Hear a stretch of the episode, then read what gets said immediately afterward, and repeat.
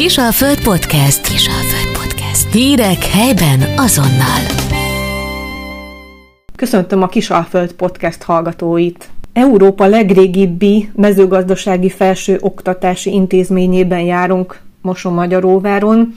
ahol dr. Tóth Tamás megbízott dékánnal beszélgetünk. Kérdezzük őt a, az óvári gazdász hagyományokról, arról is, hogy merre halad az egyetem, merre halad a kar, milyen új irányok vannak, milyen fejlesztések zajlanak jelenleg, illetve miket terveznek.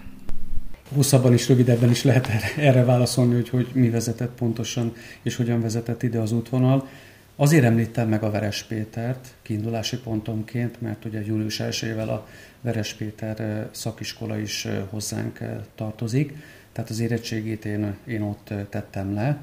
és utána 1991-ben ö, csatlakoztam, akkor még Pannon Agrártudományi Egyetem Mosa-Magyaróvári karához, és 96-ban végeztem. Mint minden itt végzett hallgatónak, ugye nekem is nagyon sokat jelent a, az óvári lét, megfogott nagyon a, a, az itt lévő óvári gazdász szemlélet, és lett volna lehetőségem akár egyből itt is maradni és folytatni a, a egyetemi pályámat, de valamilyen úton, módon engem a gyakorlat mindig is vonzott és vonz. És én Bábolnára jelentkeztem az akkori bábolnai mezőgazdasági vagy állami gazdaságba gyakornoknak. Egy évig voltam gyakornok Bábolnán, és ezen belül is akkor a gyakornoki rendszer az olyan volt, hogy célzottan meg kellett határozni, hogy melyik az a terület, ahova szeretnénk majd csatlakozni, és én a takarmány, Bábon a Takarmányipari Kft-t jelöltem meg, és oda is hívtak engem, úgyhogy én ott dolgoztam az egyetem után, először termékmenedzser voltam, majd fejlesztő mérnök, sertéssel és nyúltakarmányzási kérdésekkel foglalkoztam. És 2001-ben hívott vissza Schmidt János akadémikus úr, hogy akkor a takarmányzástani tanszéknek ő volt a vezetője, ő egy jó ismert név a szakmában, ugye akadémikus, számos tankönyvet írt a takarmányozástan területén. Tehát azt lehet mondani, hogy a, azért takarmányozás tan atyának szokták mondani, a, mármint a mostani érát tekintve, és, és az ő hívására érkeztem vissza 2001-ben, ő volt a doktori témavezetőm, és még az, az, abban az évben meg is kezdtem a doktori tanulmányaimat. 2001-től és 2001 és 2005 között tanszéki mérnök, PHD hallgató voltam, szarvasmarha takarmányozási kérdésekkel foglalkoztunk, ezen belül a szénhidrát ellátás javításával tejlőtelneknél. És párhuzamosan ment akkor a gyakorlat meg az elmélet az életében? Akkor, akkor már ez mindig is párhuzamosan ment az én, én életem, mindig is próbáltam a gyakorlattal nagyon-nagyon szoros kapcsolatot ápolni. Ezt nem tudom, úgy lehetne talán abban az időben megfogalmazni ilyen szakértőként, szaktanácsadóként, egyes témákban cégek, takarmányzási cégek, általánosztási cégek megkerestek, és és ugye ezekben a kérdésekben próbáltam segítséget nyújtani, tehát ez végig megy így az életem során, hogy nem lehet azt mondani, hogy csak akadémiai pályán mentem végig, hanem ez a kettőség ez mindig jellemző volt rám. És 2005-ben, amikor végeztem a PHD-val, akkor tulajdonképpen végmentem ugyanúgy az egyetemi ranglétán, tanszéki mérnök, adjuntus, egyetemi docens lettem, és 2010-ben vettem át a takarmányozástani tanszéket, akkor Békisnél Kelemen Gertrud nyugdíjba vonult, és, és utána vettem át a takarmányozástani tanszéket, tehát elég fiatalon megkaptam a tanszéknek a vezetését, egy olyan tanszéken, ahol egy, egy akadémikus, egy MTA doktor van, tehát azért ez egy jó kihívást jelent, és azért az ember ilyenkor látja pontosan azt, hogy milyen irányba kell menni. Sok, sok tanácsot, sok segítséget kaptam a, a, az idősebb kollégáktól, amit végig próbáltam szem előtt tartani. Annyit, hogy ugye Nyugat-Magyarországi Egyetemmel voltunk akkor egy, egy egységben. Én annyira itt az utolsó években nem éreztem magam jól, meg szerettem volna is kipróbálni magam, és úgyhogy elfogadtam a Kaposvári Egyetemnek a hívását, és 2015 és 19 között én a Kaposvári Egyetem termelésfejlesztési és technológiai tanszékén voltam. Ez igazából a takarmányozástani, az ottani takarmányozástani tanszéknek felel meg. Ott voltam intézetigazgató helyettes, akkor, akkoriban Tossenberger János volt a dékán, illetve hogy az intézetnek a vezetője. Ez a kitérő a pályámba sok szempontból nagyon pozitívnak értékeltem. Szerintem jó párunknak ráfér az, mikor, hogy egy kicsit így a, a, a meglévő kerékvágásból, hogyha vált egyet, és megnézi, hogy esetleg egy másik egyetemen, más körülmény, más munkahelyen mondjuk egy, akár egy külföldi ösztöndíjat, hogyha elfogad, akkor, akkor ez ad egyfajta új lendületet a munkájának. Ugye én azért a állattenyésztés takarmányozáson belül a Kaposvári Egyetemren jó helyre kerültem, hiszen ugye nagyon jó volt a feltételrendszer, és egészen 2019-ig Filip Bálint elnök úr hívásáig és Szalka Éva akkor dékánasszony hívására érkeztem vissza, és akkor alakultak a kompetencia központok a Széchenyi Egyetemen. Előtte is ugye a járműipari kompetencia központ azért az már több évtizede működött és volt, viszont a többi kompetencia központ az akkor jött létre ebben az időszakban, és ennek a elnöki pozíciójára kértek, kértek fel. Majd, majd utána a központvezető voltam, és egészen 2023 mondjuk így, hogy július végéig a Agráris Élelmiszer Kompetencia Központot vezettem. Erről is kérdezném, hogy milyen eredményeket sikerült ott elérni. Mert láttam, hogy az agrár és az élelmiszer iparon belül nagyon sok kutatásuk is zajlik. Ez annyit, annyit erről a formáról azért, vagy erről a szervezetről szeretnék mondani így bevezetőnek, hogy hogy teljesen világos legyen, hogy miről szólnak a kompetencia központok, kutatóközpontok a Széchenyi Egyetemen. Itt meglévő már adott, ugye kilenc kar van, minden kilenc karhoz tartoznak tudományterületek, és emellett jöttek létre a kompetencia központok, tehát ugye az Albert Kázmér Mosmagyaróvári kar mellett létezik az Agráris Élelmiszeripari Kompetencia vagy Kutatóközpont, ami azt a célt szolgálja, hogy a meglévő egyetemi tudást hogyan lehet projektekben, vállalati együttműködésekben, új szabadalmakban, új eljárásokban egy picit gyakorlat közelibbé tenni. De azért az is nagyon fontos, hogy azért a kutatóközpont, kompetencia központoknak is ugyanúgy feladata, hogy magas szinten publikáljanak, tudományosan képzett kollégák legyenek, tehát ez a rész ugyanúgy megvan, Viszont ugye nekünk a gyakorlatorientáltság az, az, az, az cél. És ebben az időszakban nagyon sok hazai agrár és élelmiszer ipari céggel alakítottunk ki kapcsolatot, számos együttműködést kötöttünk, együttműködési megállapodást kötöttünk. Nem szeretnék senkit sem kiadni, de néhány nevet ebből megemlítenék. Egyik ilyen volt az Agrofert csoporttal, az IKER ZRT-vel, az Agrotekkel, az Axial Kft-vel, de ugyanúgy megemlíthetném a Kométát ebből a szempontból, megemlíthetem a Syngentát, és még nagyon, nagyon sok céggel, például a Győri Agrofit Kft-vel is egy szoros kapcsolatot alakítottunk ki, ami aztán vagy valamilyen szolgáltatási együttműködésben, vagy közös kutatásfejlesztési projektben teljesedik ki. Tehát, hogyha pont a, az Agrofit Kft-t említeném meg, akkor ővelük éppen most zárunk egy három évvel ezelőtt indult közös GINOP pályázatot, aminél tényleg már az a feladat, hogy a kompetencia központnak, hogy az, amit a, az egyetem tudásként tud szolgáltatni, az a cég számára is a gyakorlatban transformálható tudás legyen. Tehát ez a kompetencia központ működésének a fő elve. Most, hogyha számszerűsíteni szeretném azokat a projekteket, vállalati, nemzeti labor projektet, vagy akár megemlíthetném a, a, az Agrár Edichet, amely egy Európai Uniós pályázat, akkor ebben az időszakban olyan másfél-két milliárd forint értékben sikerült pályázatot, illetve vállalati együttműködéseket, szolgáltatásokat az egyetemre hozni. Tehát, tehát ez, ez egyben azért nem csak azt lehet mondani, hogy szakmai eredménnyel és esetleg egy szabadalomhoz, vagy mintaoltalomhoz vezethet, vagy egy közös hasznosításhoz, hanem ugye ez a működési szempontból is nagyon fontos, hiszen új kollégákat tudunk felvenni, a kari kollégákat be tudjuk kapcsolni a projektekbe, és ez mind-mind nyilvánvalóan azért jobban segíti a, mind az egyén, mind pedig ugye a, az intézménynek a fejlődését. Tehát ez egy, ez egy olyan, úgy gondolom, hogy olyan felállás, ami nem, nem új, viszont a Széchenyi Egyetem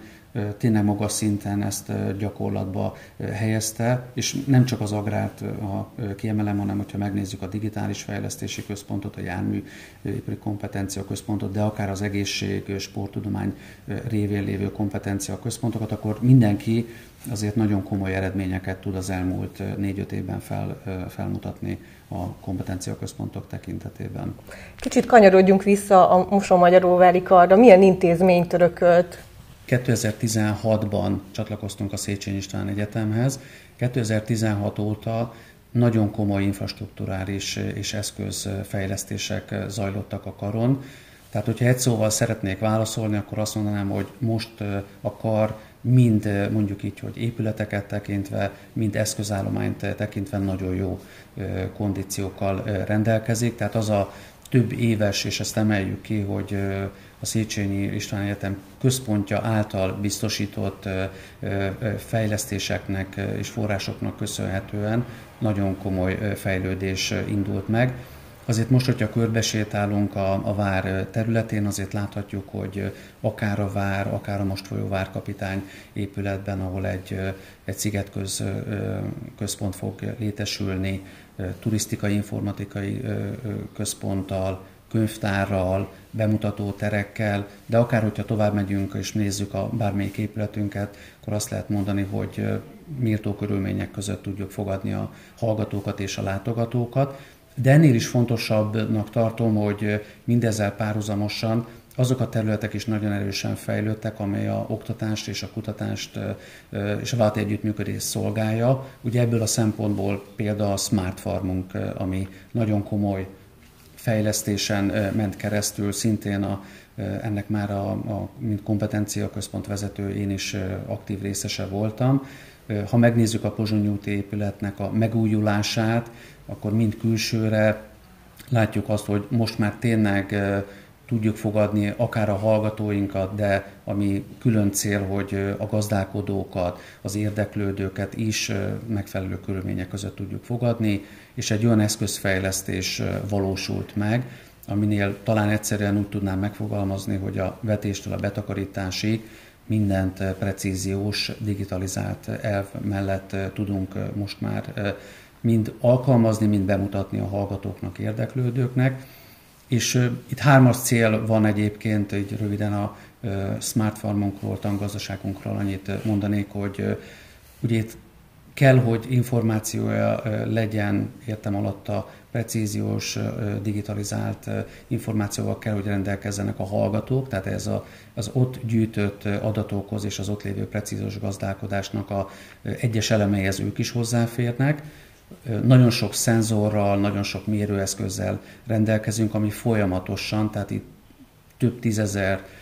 több százezer adat képződik, amit viszont ugye egységbe kell foglalnunk, ez az ez a, ez a oktatás mellett a kutatást is szolgál, tehát a kollégák így már cikkeket tudnak írni, diplomadolgozat témákat tudnak a hallgatók felé közvetíteni,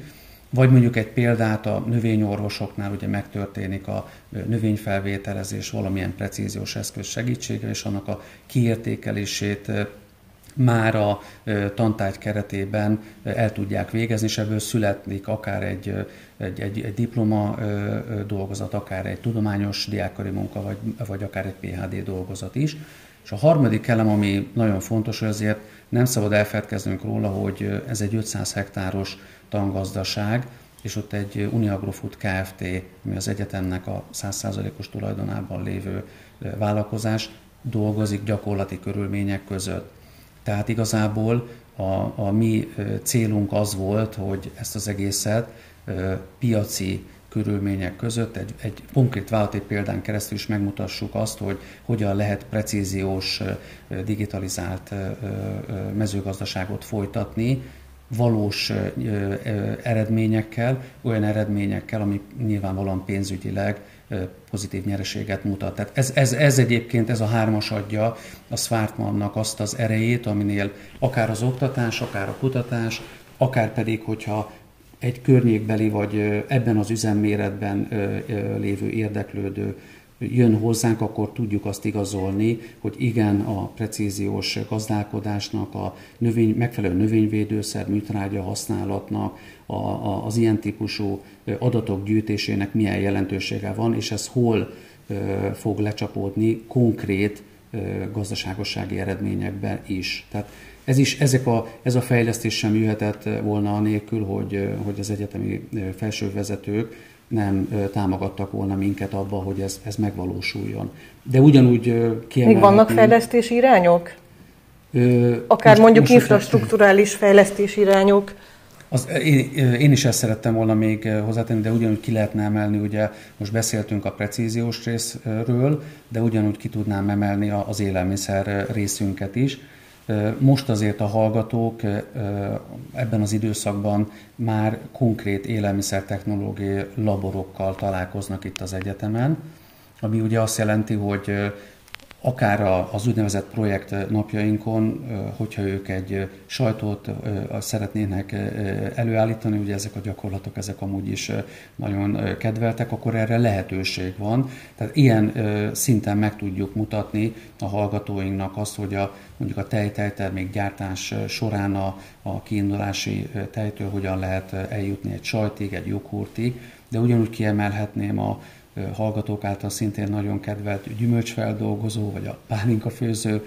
részünket is. Tehát nagyon sok olyan technológiai labor van, aminél már a hallgatók ténylegesen látják azt, hogy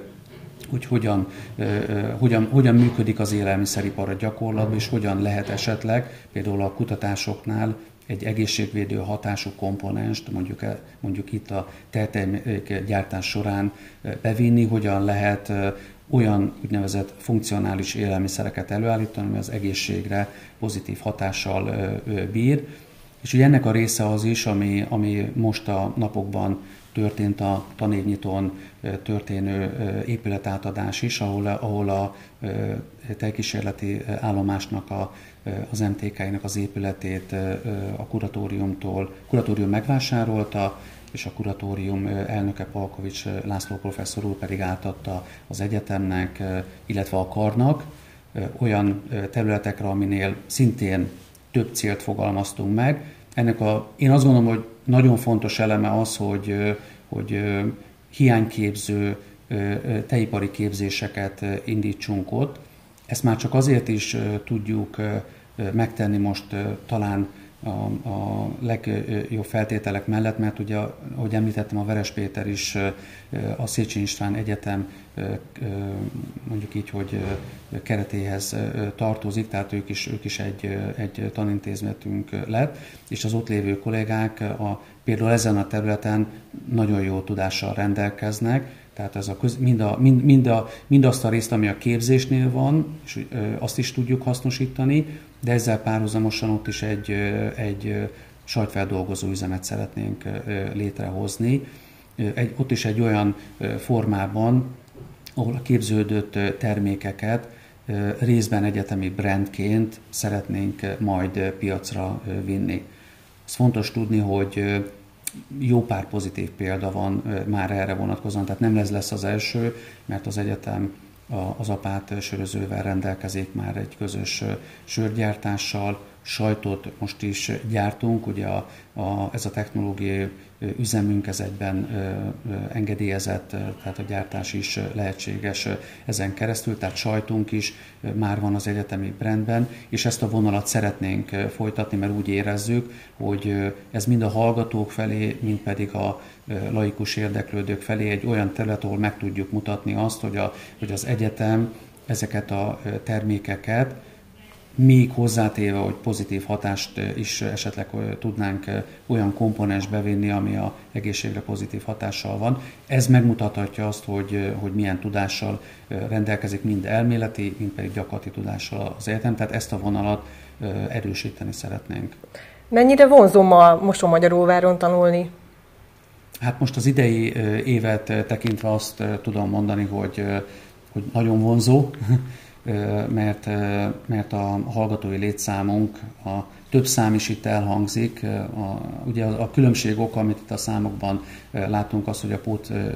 felvételi jelentkezéseket is beleszámoljuk el. Ha ezt is beleszámoljuk, akkor az Óvári Karra 43%-kal több hallgató jelentkezett. Ez minek köszönhető, ez a siker? Én azt gondolom, hogy, hogy egyre több, többen látják azt, hogy a, mezőgazdaság, élelmiszeripar egyrésztől stratégiai ágazat, de én ezen felül azt is megemlíteni, és fontosnak tartom, hogy a hallgatók azt is látják, hogy a precíziós gazdálkodás, az automatizáció, a digitalizáció olyan típusú mezőgazdasági szakembereket igényel, aki nem csak a klasszikus és a átlagember fejében lévő képet sugalmazza, hanem ők is látják azt, hogy például egy, ha egy fejű robotot mondanék, egy fejű robot, az például mind műszaki szempontból, mind pedig működés tekintetében olyan magas szintű mérnöki tudást feltételez már, és azért ennek az egésznek a működtetése is már nem egy klasszikus agrár gondolkodást és képzést takar, hanem sokkal több olyan ismert anyaggal kell rendelkezniük az itt végzett hallgatóknak, aminél képesség arra, hogy majd ezeket az eszközöket használják a gyakorlatba. Tehát a hallgatóink is látják azt, hogy egyrésztről stratégiágazat az élelmiszeripar, Látjuk azt, hogy,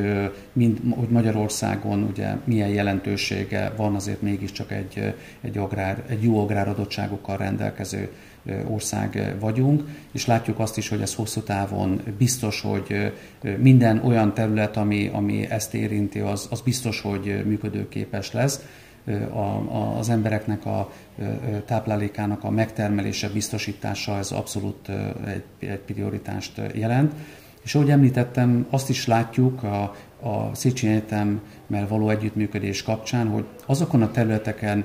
lévők is érkeznek hozzánk, akik, akik például egy ottani informatikai vagy mérnöki képzésben vannak, és egy, egy picit átlépnek a, az egyes tudományterületek között. Egyébként mi is ebben látjuk a jövő fejlődésének a zálogát, hogy, hogy több tudományterületet kapcsoljunk össze. Ugye precíziós mezőgazdaság is erről szól, hogy összekapcsolom a klasszikus agrár tudást, mérnöki tudásokkal, informatikai tudások, tudással, és látjuk azt is, hogy, hogy a közös képzések kapcsán, hiszen a Széchenyi Egyetem egyes karéval most már közös képzéseink is vannak évek óta, hogy ezek jól működnek, és a hallgatók nagyon nyitottak erre vonatkozóan. Ami, ami, amit látunk, hogy a mezőgazdasági mérnök, ami ugye egy alapképzés jelent, az, az nagyon mondjuk így, hogy, hogy folyamatosan nő a ott felvett hallgatóknak a száma. Ezen kívül az élelmiszer mérnök képzésünkön, és az utóbbi egy-két évben az állattenyésztő mérnök képzésnél is látunk, látunk előépést, tehát ezek azok a területek, amelyeket ki kell emelni, és amik bejöttek új képzéseink, ami ugye a környezetmérnök, a, a vízgazdálkodási mérnök. Ezek, ezek is pedig, szintén fontos ezek területek. Szintén, igen, ezek is, ugye most látjuk azt, hogy, hogy a, például az öntözésnek és az egyéb vízgazdálkodási résznek, környezetvédelemnek, fenntarthatóságnak milyen jelentősége van. Tehát ez, ez kezd szépen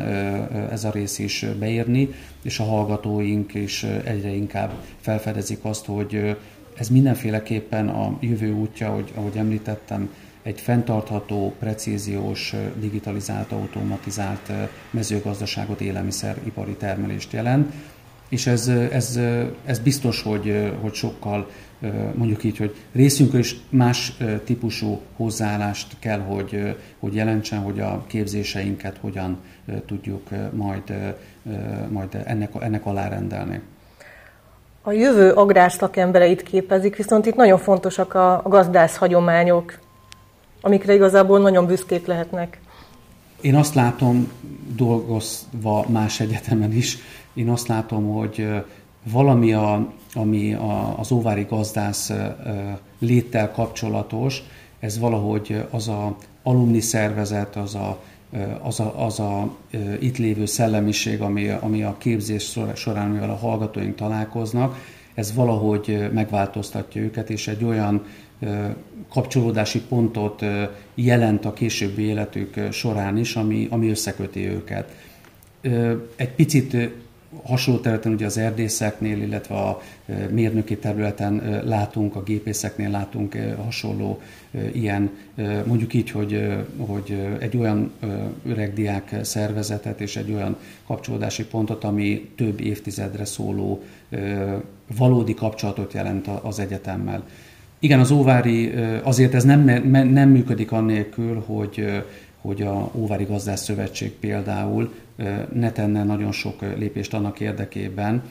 hogy, hogy ez a tradíció fennmaradjon. Tehát azért azt is ki kell emelni, hogy a Óvári Gazdász Szövetség mindenkori vezetése és tagsága egy nagyon, nagyon, nagyon komoly munkát végezett éren, hogy, hogy ez élő is maradjon. Biztosan látható volt a mostani tanévnyitón is, ezt mindig a külsősök felém is megjegyzik, hogy az a pillanat, amikor ugye lemegy a hivatalos rész, és a végén elénekeljük a gazdász himnuszt, és, és tényleg az egész, mondjuk így, hogy aula visszhangzik a gazdász himnusztól is, ad egy olyan kötöttséget nekünk, ahol hogy egy volt gazdásztól vegyek egy példát, hogy amikor évvége van és a szilveszternél kocintunk, akkor ugye évfélkor van a gazdász himnusznak az eléneklése is, akkor ő a következő, amit mindig vár, hogy mikor énekelheti el a gazdász himnusz. Tehát ez ennyire a, mondjuk így, hogy a, a, a mindennapi létünkben ott van, meg az is sokat számít, hogy élő kapcsolatok vannak az óvári gazdászok között, tehát ezt is fontosnak tartom, hogy ahogy végeznek a hallgatók, nem szakad meg ez a kapcsolat, ha találkozunk, tudunk a másikról, ha találkozunk és kiderül, hogy egy helyen végeztünk, ez egyfajta külön kötődést ad. Én, én azt gondolom, hogy igen, erre, erre nagyon büszkék vagyunk, és mindent meg fogunk tenni annak érdekében, hogy, hogy a hagyományaink fennmaradjon, és ezt, ezt az új generáció, amikor érkezik, ugye ez minden mi nem gólyáknak, hanem baleknak, balek tábornak hívjuk, és balekoknak hívjuk az elsősöket, Ebbe semmi sértő nincsen egyébként, ez, ez óvári hagyomány, tehát a gólyák, amikor érkeznek, akkor már az első héten a tradíciók, a hagyományok, a dalárda, a gazdászbál és minden olyan esemény, gazdászmajál is, ami ugye a, a, a létünket meghatároz, ez mind-mind ismertetésre kerül, és nagyon hamar a hallgatók is ezt a tradíciót magukének érzik, és ez, ez, egy, ez egy jó dolog, amit ápolni kell. Nagyon fontos lépés volt az egyetem, illetve a, konkrétan az Óvári Várnak a kinyitása a lakosság, illetve a turisták irányába. Ezt nagyon fontos területnek tartom. Én is azt gondolom, hogy most méltó körülmények között tudjuk a látogatókat fogadni. Annak ellenére, hogy a vár épülete ugye azért nem teljesen nyitott, mert ugye az alsó része az első emeleti része, vagy mondjuk így, hogy a földszinti része és az udvar része az, ami, ami mondjuk így, hogy a látogatók számára nyitott, mert ugye a, a, az első emeleten és a második emeleten azért oktatási tevékenység is még van, tehát itt azért egy kettősség jellemzi a, az óvári várat, de én azt gondolom, hogy mind a bemutató része, mind pedig a várudvar tényleg méltó körülményeket jelent most már. Itt is van teendő, én azt gondolom, hogy sokkal több programot kell majd szerveznünk, ami, ami érinti akár a várudvart, akár a vár környékét. Ezügyben folyamatosan egyeztettünk a városvezetéssel is, és folyamatosan vannak olyan közös programok és olyan közös területek, amelyekkel elő tudjuk azt segíteni, hogy a város és az érkező látogatók minél jobban megismerjék a várat, és minél több olyan program legyen, ami miatt érdemes is itt az időt eltölteni. És ugye a fejlesztési terveinknél pontosan ezek a területek, ami ugye a, a tankonyha, éttermi rész, akkor a főhercegi sörözőnek a létesítése, a kávézó, ami ugye a vár területén van, tervben van az is, hogy, hogy a biciklivel érkező turisták is meg tudjanak pihenni, le tudják tenni a biciklit, vagy akik éppen a, a szigetközön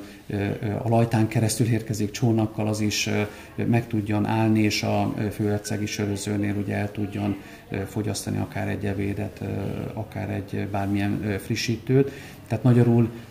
azok a kiszolgáló részek is, amelyek most fognak a következő években létesülni, azt a célt szolgálják, hogy minél több látogatót vonzunk a vár területére, és olyan programok legyenek, és és olyan feltételrendszer legyen, ami jó egyrészt a városnak is, másrészt pedig a, a, az egyetemnek a hírnevét is öregvíti. Nagyon szépen köszönöm a beszélgetést. Köszönöm szépen én is. Kisalföld Podcast. Hírek helyben azonnal.